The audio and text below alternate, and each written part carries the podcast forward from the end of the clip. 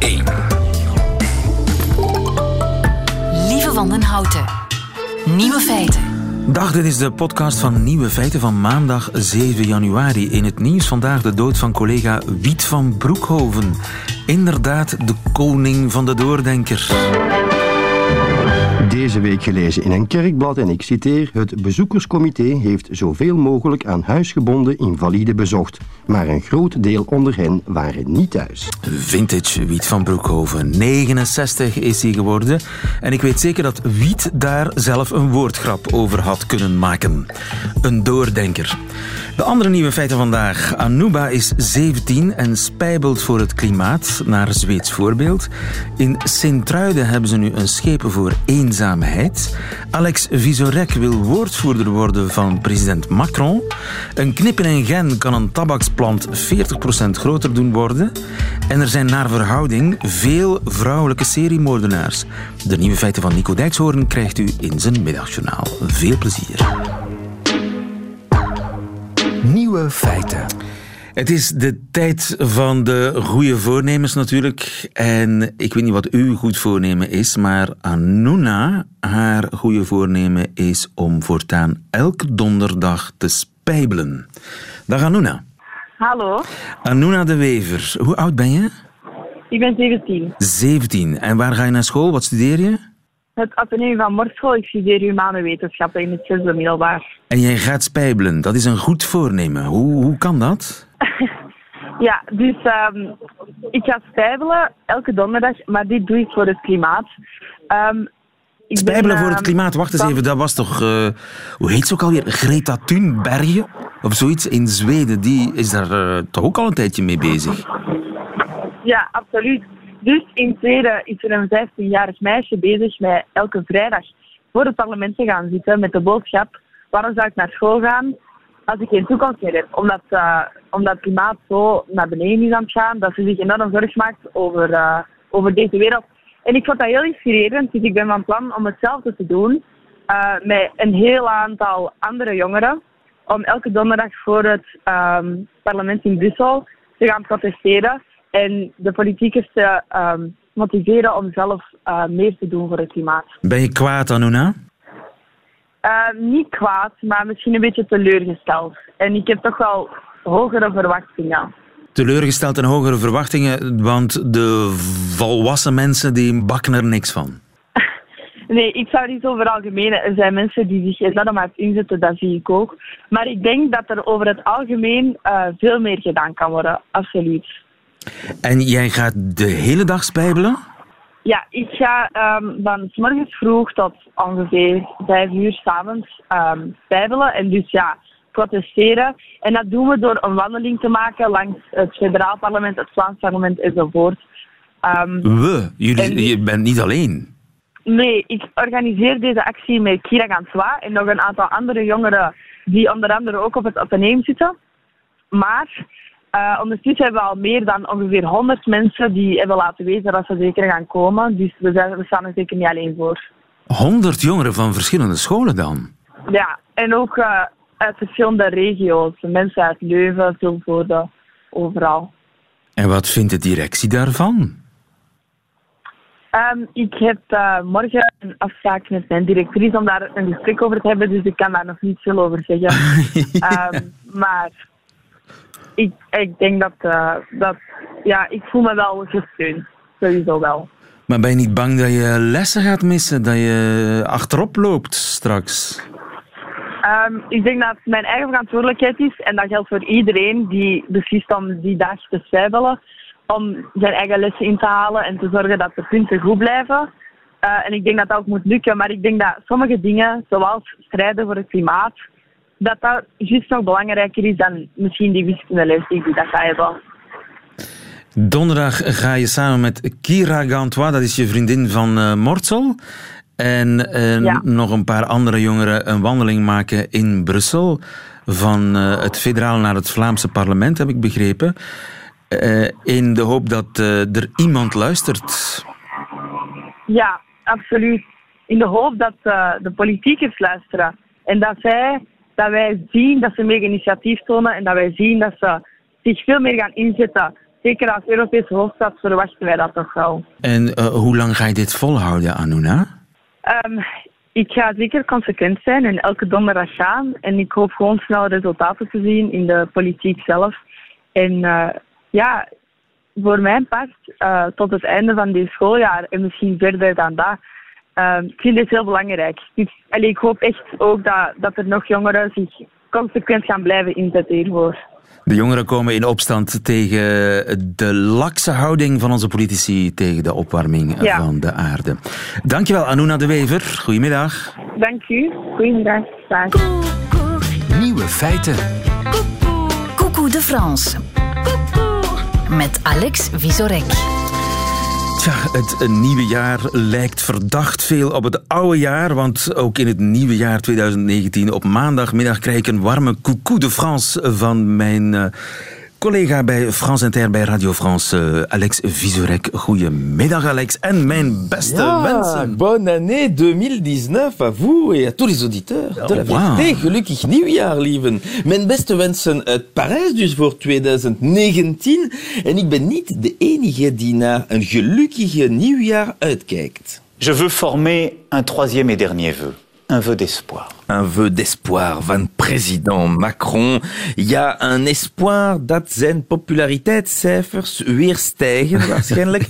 dat was een clipje uit de traditionele wensen van de president op oudjaarsavonds. Wat voer voor gezellige discussie over politiek aan tafel.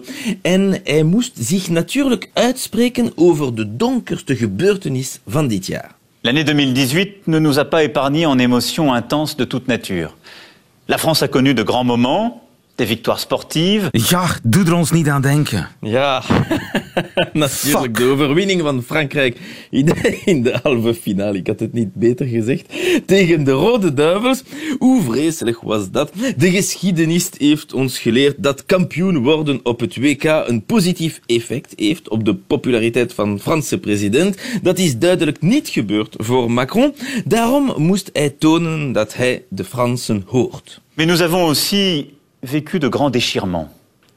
Et une colère a éclaté qui venait de loin. Ja, maar ook dat hij de Fransen begrijpt, want hij wordt altijd verweten uh, dat hij in zijn ivoren toren blijft zitten, maar in die wensen kan je hard proberen om te tonen dat je de realiteit kent. J'ai grandi en province. Et je connais ces terres qui ont été bousculées durant ces dernières décennies et qui parfois doutent. Ach, ik moet er bijna bij huilen. Ik vind het zelfs spijtig dat het niet een beetje muziek gebruikt. Dat zou zo efficiënt zijn. J'ai grandi en province. Et je connais ces terres qui ont été bousculées durant ces dernières décennies et qui parfois doutent. Je kunt het gewoon op single zetten, uitbrengen. Het wordt een hit. ja, ik zou misschien... Ik wil hem nog eens horen. Ik wil hem nog eens horen. J'ai grandi en province. Et je connais ces terres qui ont été bousculées durant ces dernières décennies et qui parfois doutent. Het is, een, C'est het beau. is bijna Alain Delon. Het is echt ongelooflijk. Ik zou misschien zijn communicatie verantwoordelijk kunnen worden. Ah ja, het schijnt dat hij Eh, er van zoekt. Macron, Ja, hij is juist gestopt. En dus als ik kan helpen, eh, dan zou hij misschien eh, meer weer Fransen voor zich kunnen winnen. Want ik moet het wel zeggen dat dat hem niet lukt. Ja. Hij heeft zeker geen rustige feestdagen gehad. Ten eerste door een van zijn ex-vrienden, Alexandre Benalla. Alexandre Benalla, dat is toch, dat is toch die bodyguard? Ja, inderdaad, eh, die veel privileges kreeg. Eh, hij was in juli ontslagen en moest in september voor een onderzoekscommissie verschijnen om de waarheid over zijn rol en de privileges te vertellen. Verplicht om de waarheid te vertellen, bijvoorbeeld over het feit dat hij dankzij zijn functie diplomatische paspoorten had. En toen hij ontslagen werd, moest hij die natuurlijk teruggeven. Et je voudrais savoir si, à ce jour, vous avez restitué ces deux passeports diplomatiques. En ce qui et euh, ce qu'ils ont été rendus, ils sont euh, au bureau que j'occupais à l'Elysée, donc je pense que l'Elysée a dû s'en occuper. Aha. De Elysée uh, heeft zijn diplomatieke paspoorten uit zijn bureau genomen, veronderstel ik dan. Ja, maar blijkbaar is Benalla meerdere keren op reis geweest met een diplomatische paspoort in de afgelopen maanden naar Afrika, naar Israël. Uh, toch had het, het Elysée hem in juli gevraagd om die paspoorten terug te sturen, maar volgens Benalla heeft hij ze daarna teruggekregen van het Elysée. Daarom gebruikte hij ze nog voor zijn reizen, pour son confort personnel, heeft hij gezegd. En dat is niet alles. Hij beweert dat hij nog contact heeft eh, met het team van de president Macron en zelfs vaak met Macron. Hij chat met hem. Macron zou hem naar zijn mening vragen over de gele esjes of andere veiligheidsthema. Maar Macron ontkent dat. Hij zegt dat hij alleen twee sms'jes sinds het begin van de affaire heeft gestuurd. Maar Macron heeft niet altijd meneer Benalla nodig om zich de problemen te zetten. Ik heb jou laten horen hoe hij de Fransen wilde overtuigen uh, dat hij dicht bij hen stond. Wel, tussen kerst en nieuwjaar uh, was Macron nergens te zien, terwijl de woede nog volop uh, heerste in Frankrijk. En weet u waar wij hem teruggevonden hebben? Op vakantie in Saint-Tropez. Saint-Tropez. Saint-Tropez, c'est la jet set. Ça évoque évidemment pour tout le monde un peu un lieu euh, de plaisir pour euh, l'élite, qu'elle soit artistique, sportive, financière ou encore euh, politique. Emmanuel Saint-Tropez te reizen. Ja, Emmanuel, het was toch eenvoudig die fout niet te doen. Uh, en om naar Saint-Tropez te reizen heb je geen diplomatische paspoort nodig, maar wel lef. Dus uh, als Macron over espoir sprak uh, tussen de woede en Benalla, kan hij vooral hoop voor zichzelf wensen voor 2019. Tot volgende week, Alex Visorek. Dankjewel. Tot volgende week. Nieuwe feiten. In Sint-Truiden hebben ze iets wat ze alleen in Sint-Truiden hebben. Een schepen van eenzaamheid. Pasky Monet, goedemiddag. Goedemiddag. U bent uh, OCMW-voorzitter en uh, schepen Klopt. voor Open VLD in Sint-Truiden bevoegd voor een heel aantal sociale zaken, waaronder dus ook eenzaamheid. En dat is uh, ja. een primeur voor ons land. Wiens idee was het? Um, ik moet eerlijk zeggen, die ideeën zijn zo'n klein beetje gekomen van heel veel mensen. En ehm, de problematiek is zo, um, wij komen hem dag dagelijks tegen. En uh, wij hadden gewoon een idee. Wij moeten er iets mee doen. Wij moeten het in de belangstelling brengen en moeten het in de belangstelling krijgen. En van daaruit moeten we stap voor stap gaan werken met een hele hoop mensen om een, uh, om een oplossing proberen te realiseren. Ja, maar je komt het elke dag tegen, uh, zeg je, eenzaamheid. Ja, klopt. Ja. Ik ben markramer van beroep. Dus ik sta op de markt. Ik en wat verkoopt u? En fruit en groenten. Fruit en groenten. En ja. u ziet uh, aan uw kraam eenzaamheid niet alleen aan mijn kraam, ik kom het, ik kom het eigenlijk tegen. Op, op, op, op heel veel plaatsen kom ik eenzaamheid tegen. Uh, het is iets dat, dat voor een stukje verdoken is, maar ook sommige mensen die durven erover spreken. En, uh, maar hoe merk je dat op de markt dat mensen eenzaam zijn? Als mensen mij komen vragen hoe dat ze iets moeten klaarmaken, en eerlijk gezegd, ik ben geen kok. Uh, het is gewoon om aandacht te krijgen. En, en uh, ja, goed, de problematiek is zo dat we dat we over heel veel dingen moeten babbelen. En dat proberen we in beweging te brengen. En vandaag zijn we voor een groot stuk al gelukt in de opzet. Want uh, ja, plotseling spreekt ook iedereen over eenzaamheid en begint ook iedereen rond zich heen te kijken. En dat is voor een stuk ons doel. Wij willen dat het, dat het leeft en dat beweegt. Ja, dus u ziet mensen aan uw kraam die eigenlijk gewoon een praatje willen maken. En niet zozeer iets Klopt, willen ja, kopen, ja, maar eigenlijk een, gewoon een praatje nee, willen die, maken. Die gaan, misschien wel, die gaan misschien wel iets kopen, maar die komen, die komen gewoon voor, voor wat sociaal contact. Die komen eens goeiedag zeggen, die komen eens vragen hoe ziet het eruit. Uh, uh, ja, gewoon, die, die mensen willen aandacht. Het zijn mensen die vaak dagen na elkaar niemand zien. Klopt, klopt, klopt, klopt. En zijn het vaak bejaarde mensen? Maar nee, het zit, er zit geen leeftijd op. Blijf erbij, dat is een, dat is een punt. Uh, dat, dat, er, is, er is echt geen, uh, er is geen leeftijd op te plakken. En kun je als schepen iets doen daartegen? Ja, wij willen heel veel dingen groeperen. En wij willen dat het mee in, in beeld gebracht wordt. Dat uh, er zijn heel veel hulpverleners die vandaag gewoon eens even moeten meedenken rond de eenzaamheid van heel veel mensen. En als we dat kunnen in beweging zetten, dan kunnen we sowieso proberen te zorgen dat dat voor een stukje wordt opgelost. Maar u bent nu ideeën aan het verzamelen, neem ik aan. Want ja, dat is niet uh, een probleem dat je nee, hocus pocus we oplost. Geen, we hebben geen, nee, nee, we hebben geen pasklaar antwoord. Maar wij willen wel door het... Uh, door het zoals wat we nu aan het doen zijn, we brengen het nu in de actualiteit. En wij durven erover spreken en wij durven ook heel duidelijk zeggen dat, ehm, dat wij in sint een probleem hebben. En wij zijn natuurlijk niet de enige, maar wij durven het wel in kaart brengen en wij durven wel meedenken richting een toekomst. Ja, maar en heeft, proberen zoveel mogelijk mensen achter het idee te krijgen. Maar heeft u één concreet plan?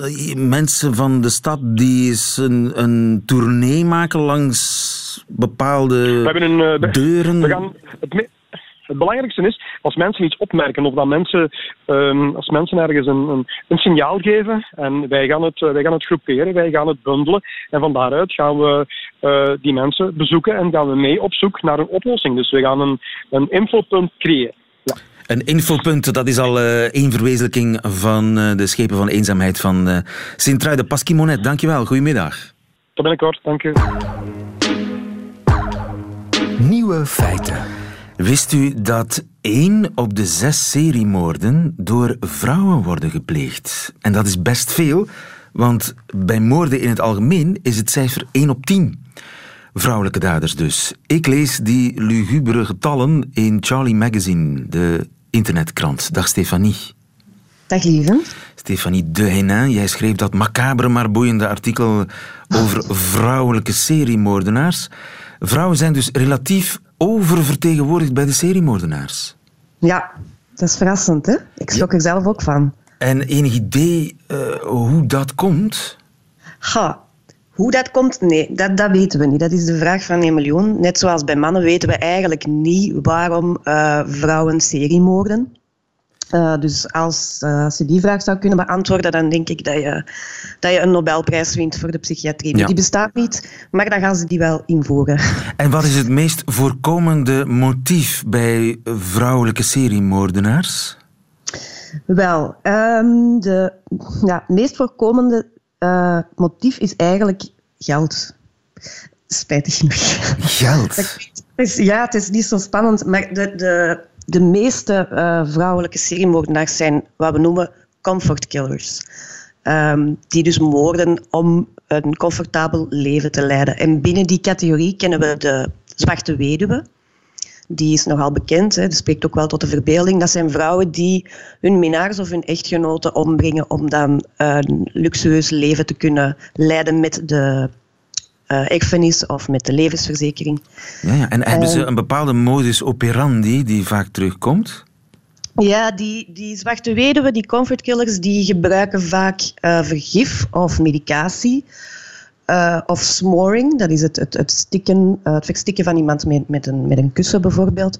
Dus dat zijn eigenlijk relatief, relatief subtiele methoden, waardoor dat zij ook lang kunnen doorgaan. Dat zijn vrouwen die, die soms tien jaar lang moorden voordat zij gevat worden. Er is zo'n beroemd Belgisch voorbeeld, hè, dacht ik. Ja, ja. Uh, Marie uh, Petitjean was een, een, een, uh, een Vlaamse vrouw die die eigenlijk voorbestemd was om, om, om haar leven op de velden uh, te slijten, maar dat, dat, dat, dat zinde haar niet. Dus zij is, uh, zij is naar Luik getrokken uh, om te gaan werken. Zij heeft daar een, een zaak geopend. En die zaak die liep goed. zij is getrouwd. ze nam het wel niet zo nauw met de echtelijke trouw. En dan is er de beurscrash gebeurd en is zij failliet gegaan. En dat zinde haar niet. En toen zijn er ja, een hele hoop mensen in haar, in haar omgeving plotseling doodgevallen. Um, en dan zitten we in de jaren 30 van de vorige in de eeuw. Jaren ja. ja, klopt. Um, en dus, iedereen, elke man die met haar in aanraking kwam, uh, verdween op mysterieuze wijze uit het leven? Uh, wel, bij haar waren er vooral veel vrouwen eigenlijk. Dus ah. het waren eigenlijk, uh, ja, bij haar waren het vooral haar klanten, haar, haar, haar, vroegere klanten, met wie dat zij een zeer goede relatie had opgebouwd. En dat bleken dan ja, vrouwen die, dan, die haar hadden opgenomen in haar testament of die haar net een lening hadden gegund. En die bleken dan ineens allemaal dood te vallen. En zij is natuurlijk wel gevat uiteindelijk. Uh, en zij is uh, uiteindelijk gestorven in de gevangenis van Vorst. En hoeveel slachtoffers heeft zij gemaakt? Ik denk dat zij een stuk of tien slachtoffers heeft gemaakt, zoiets. Ja. Oké, okay. en dat is dus de Black Widow. Dat is een archetype van de vrouwelijke seriemoordenaar. Mm -hmm. En wat heb je nog? Ja, wat ook vaak voorkomt zijn de engels des doods, de angels of death. Ehm, die kennen we ook wel van in de media. Dat zijn ook vaak vrouwen, ook wel mannen hoor, maar het zijn ook vaak vrouwen die ehm, in een ziekenhuis werken als verpleegkundige, soms als verzorgende en die hun patiënten gaan ombrengen. Die vermommen zich als engel, als, als uh, ja, helper. Zij, inderdaad, zij beweren dat zij mensen uit hun lijden uh, verlossen. Maar als je dan gaat kijken naar de hoeveelheid slachtoffers die zij maken, ja, dan is dat niet meer zo geloofwaardig. Ik heb hier een, een case van een vrouw die denk ik ongeveer 40 uh, bejaarde patiënten heeft omgebracht. Uh, ja, dan ga je mij niet meer vertellen dat die mensen allemaal uh, ja. dringend uit hun lijden verlost moeten worden. Maar dat is eigenlijk, eigenlijk niks vrouwelijks. Hè? Dat heb je bij mannen ook hè? heel vaak, die, die mensen uit hun lijden verlossen. Dat klopt, dat klopt. Maar het is opvallend dat er dus binnen de vrouwelijke seriemoordenaars dat er vaak, dat, dat, zij vaak, dat die angels of death vaak voorkomen. Maar eigenlijk moorden zij natuurlijk niet uit, uit medelijden. Hè. Dit gaat om macht. Ze willen voor God spelen. Dat is eigenlijk hun motief dan? Dat is hun motief, ja. Eh, dat dus noemen de... we de... Sorry. Dat is, hun, dat is hun motief en zij vallen binnen de categorie de power seekers. Dus het gaat echt over, over macht. De machtszoekers, de ja. comfort killers, die doden mm voor hun comfort, voor de bontjas. Uh, wat, zijn er nog? Ja, natuurlijk de sadisten. Hè. Dat, is, uh, dat zijn denk ik de seriemoordenaars die het meest tot de verbeelding spreken. En daarin vind ik het wel, vond ik het ook wel verbazend om te weten te komen dat daar dus ook wel vrouwen tussen zaten. En dit zijn echt seriemoordenaars die moorden uit lust.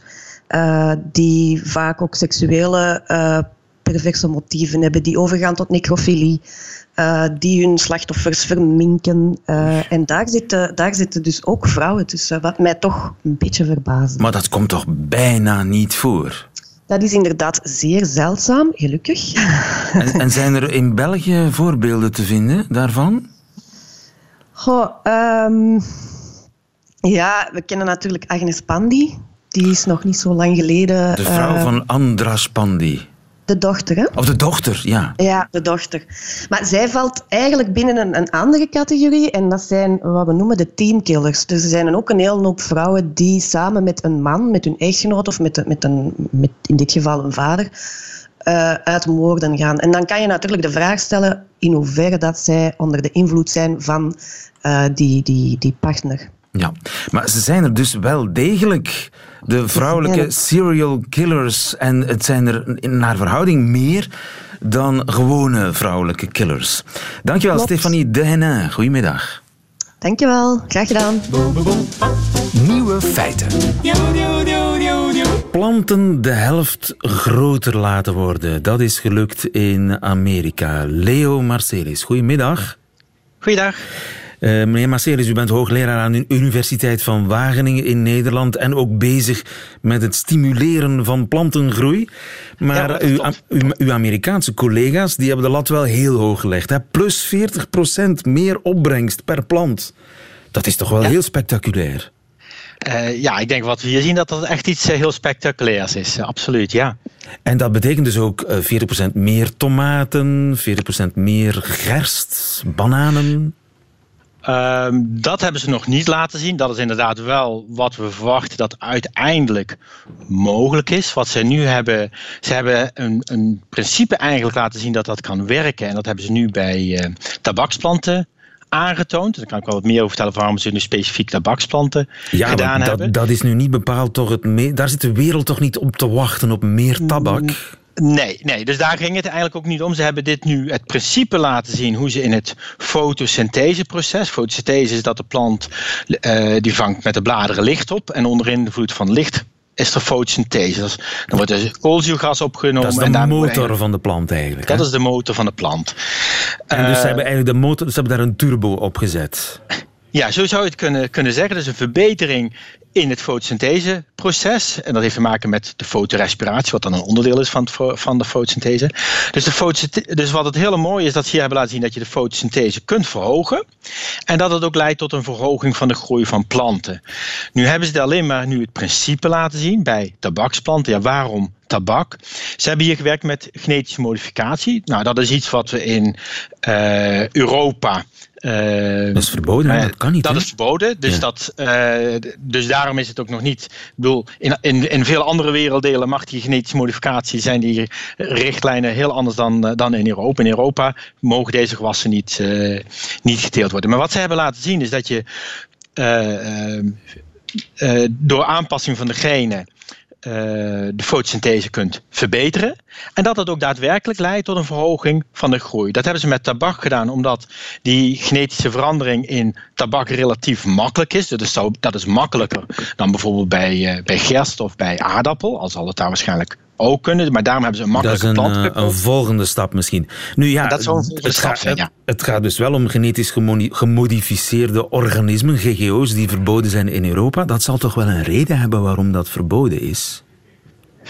Ja, ik denk dat dat meer een, een uh, politieke uh, discussie is uh, van in de, in de maatschappij heerst daar angst over genetische modificatie. En politiek is daar nu besloten om dat niet te doen. Maar onder wetenschappers is daar geen discussie over?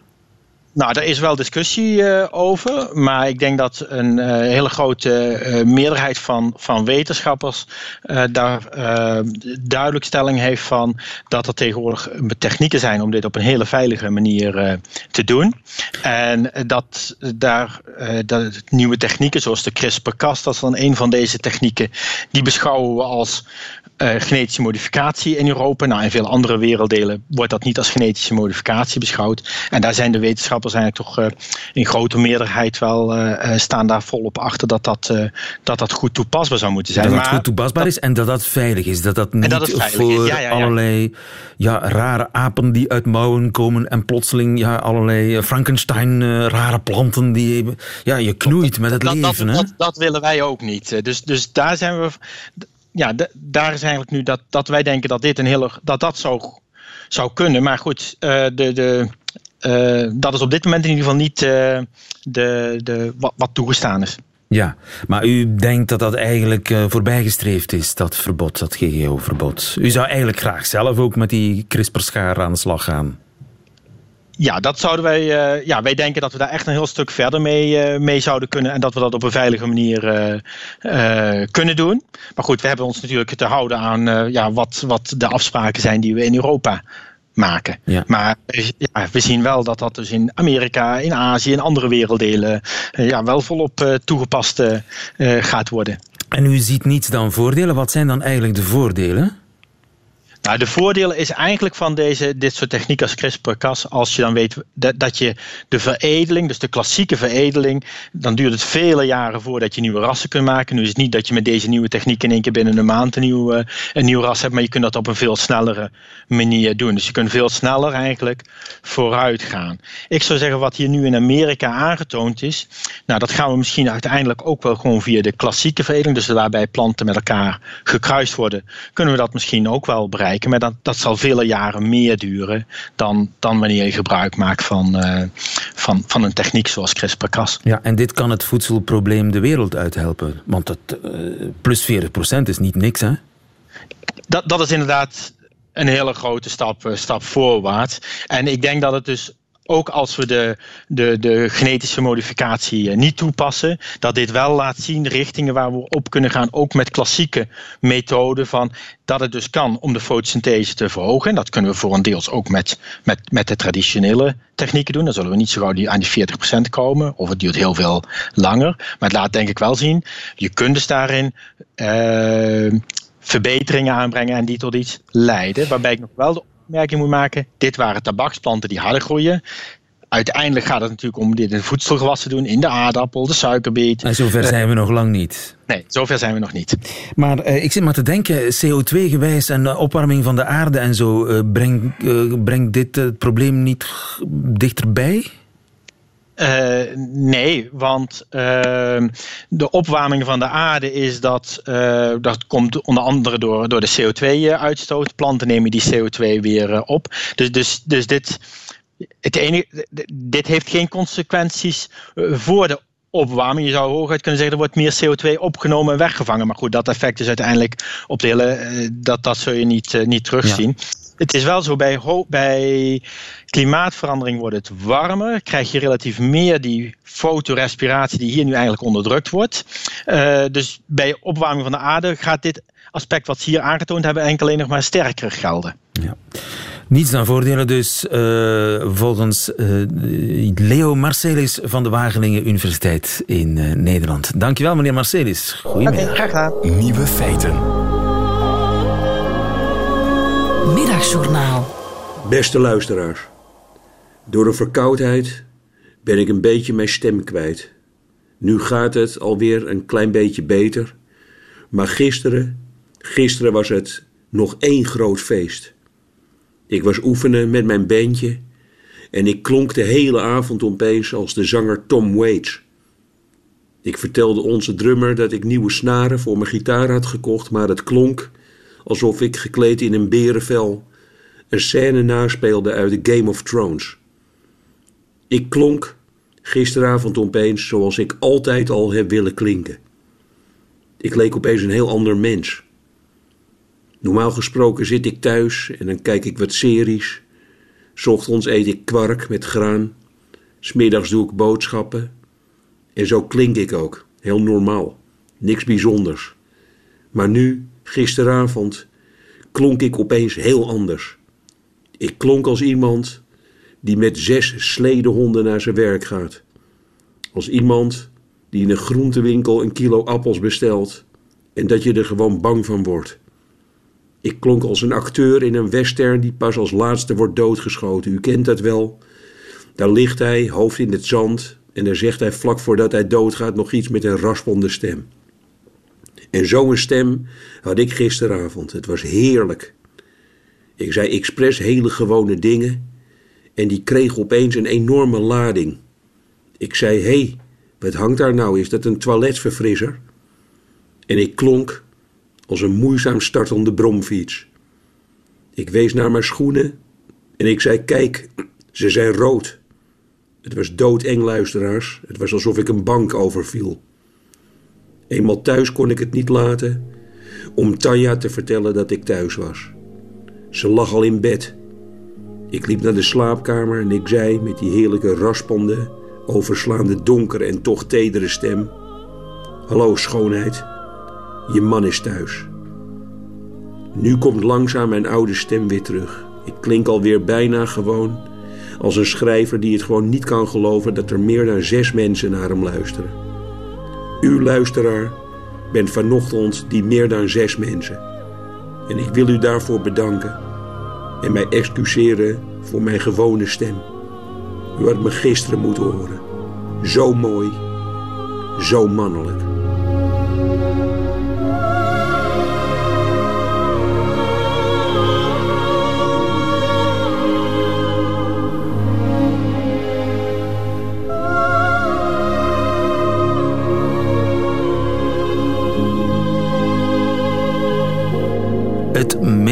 Met Nico Dijkshoorn. Einde van deze podcast, maar u vindt er nog veel meer op radio1.be en op alle mogelijke podcastkanalen. Tot volgende keer.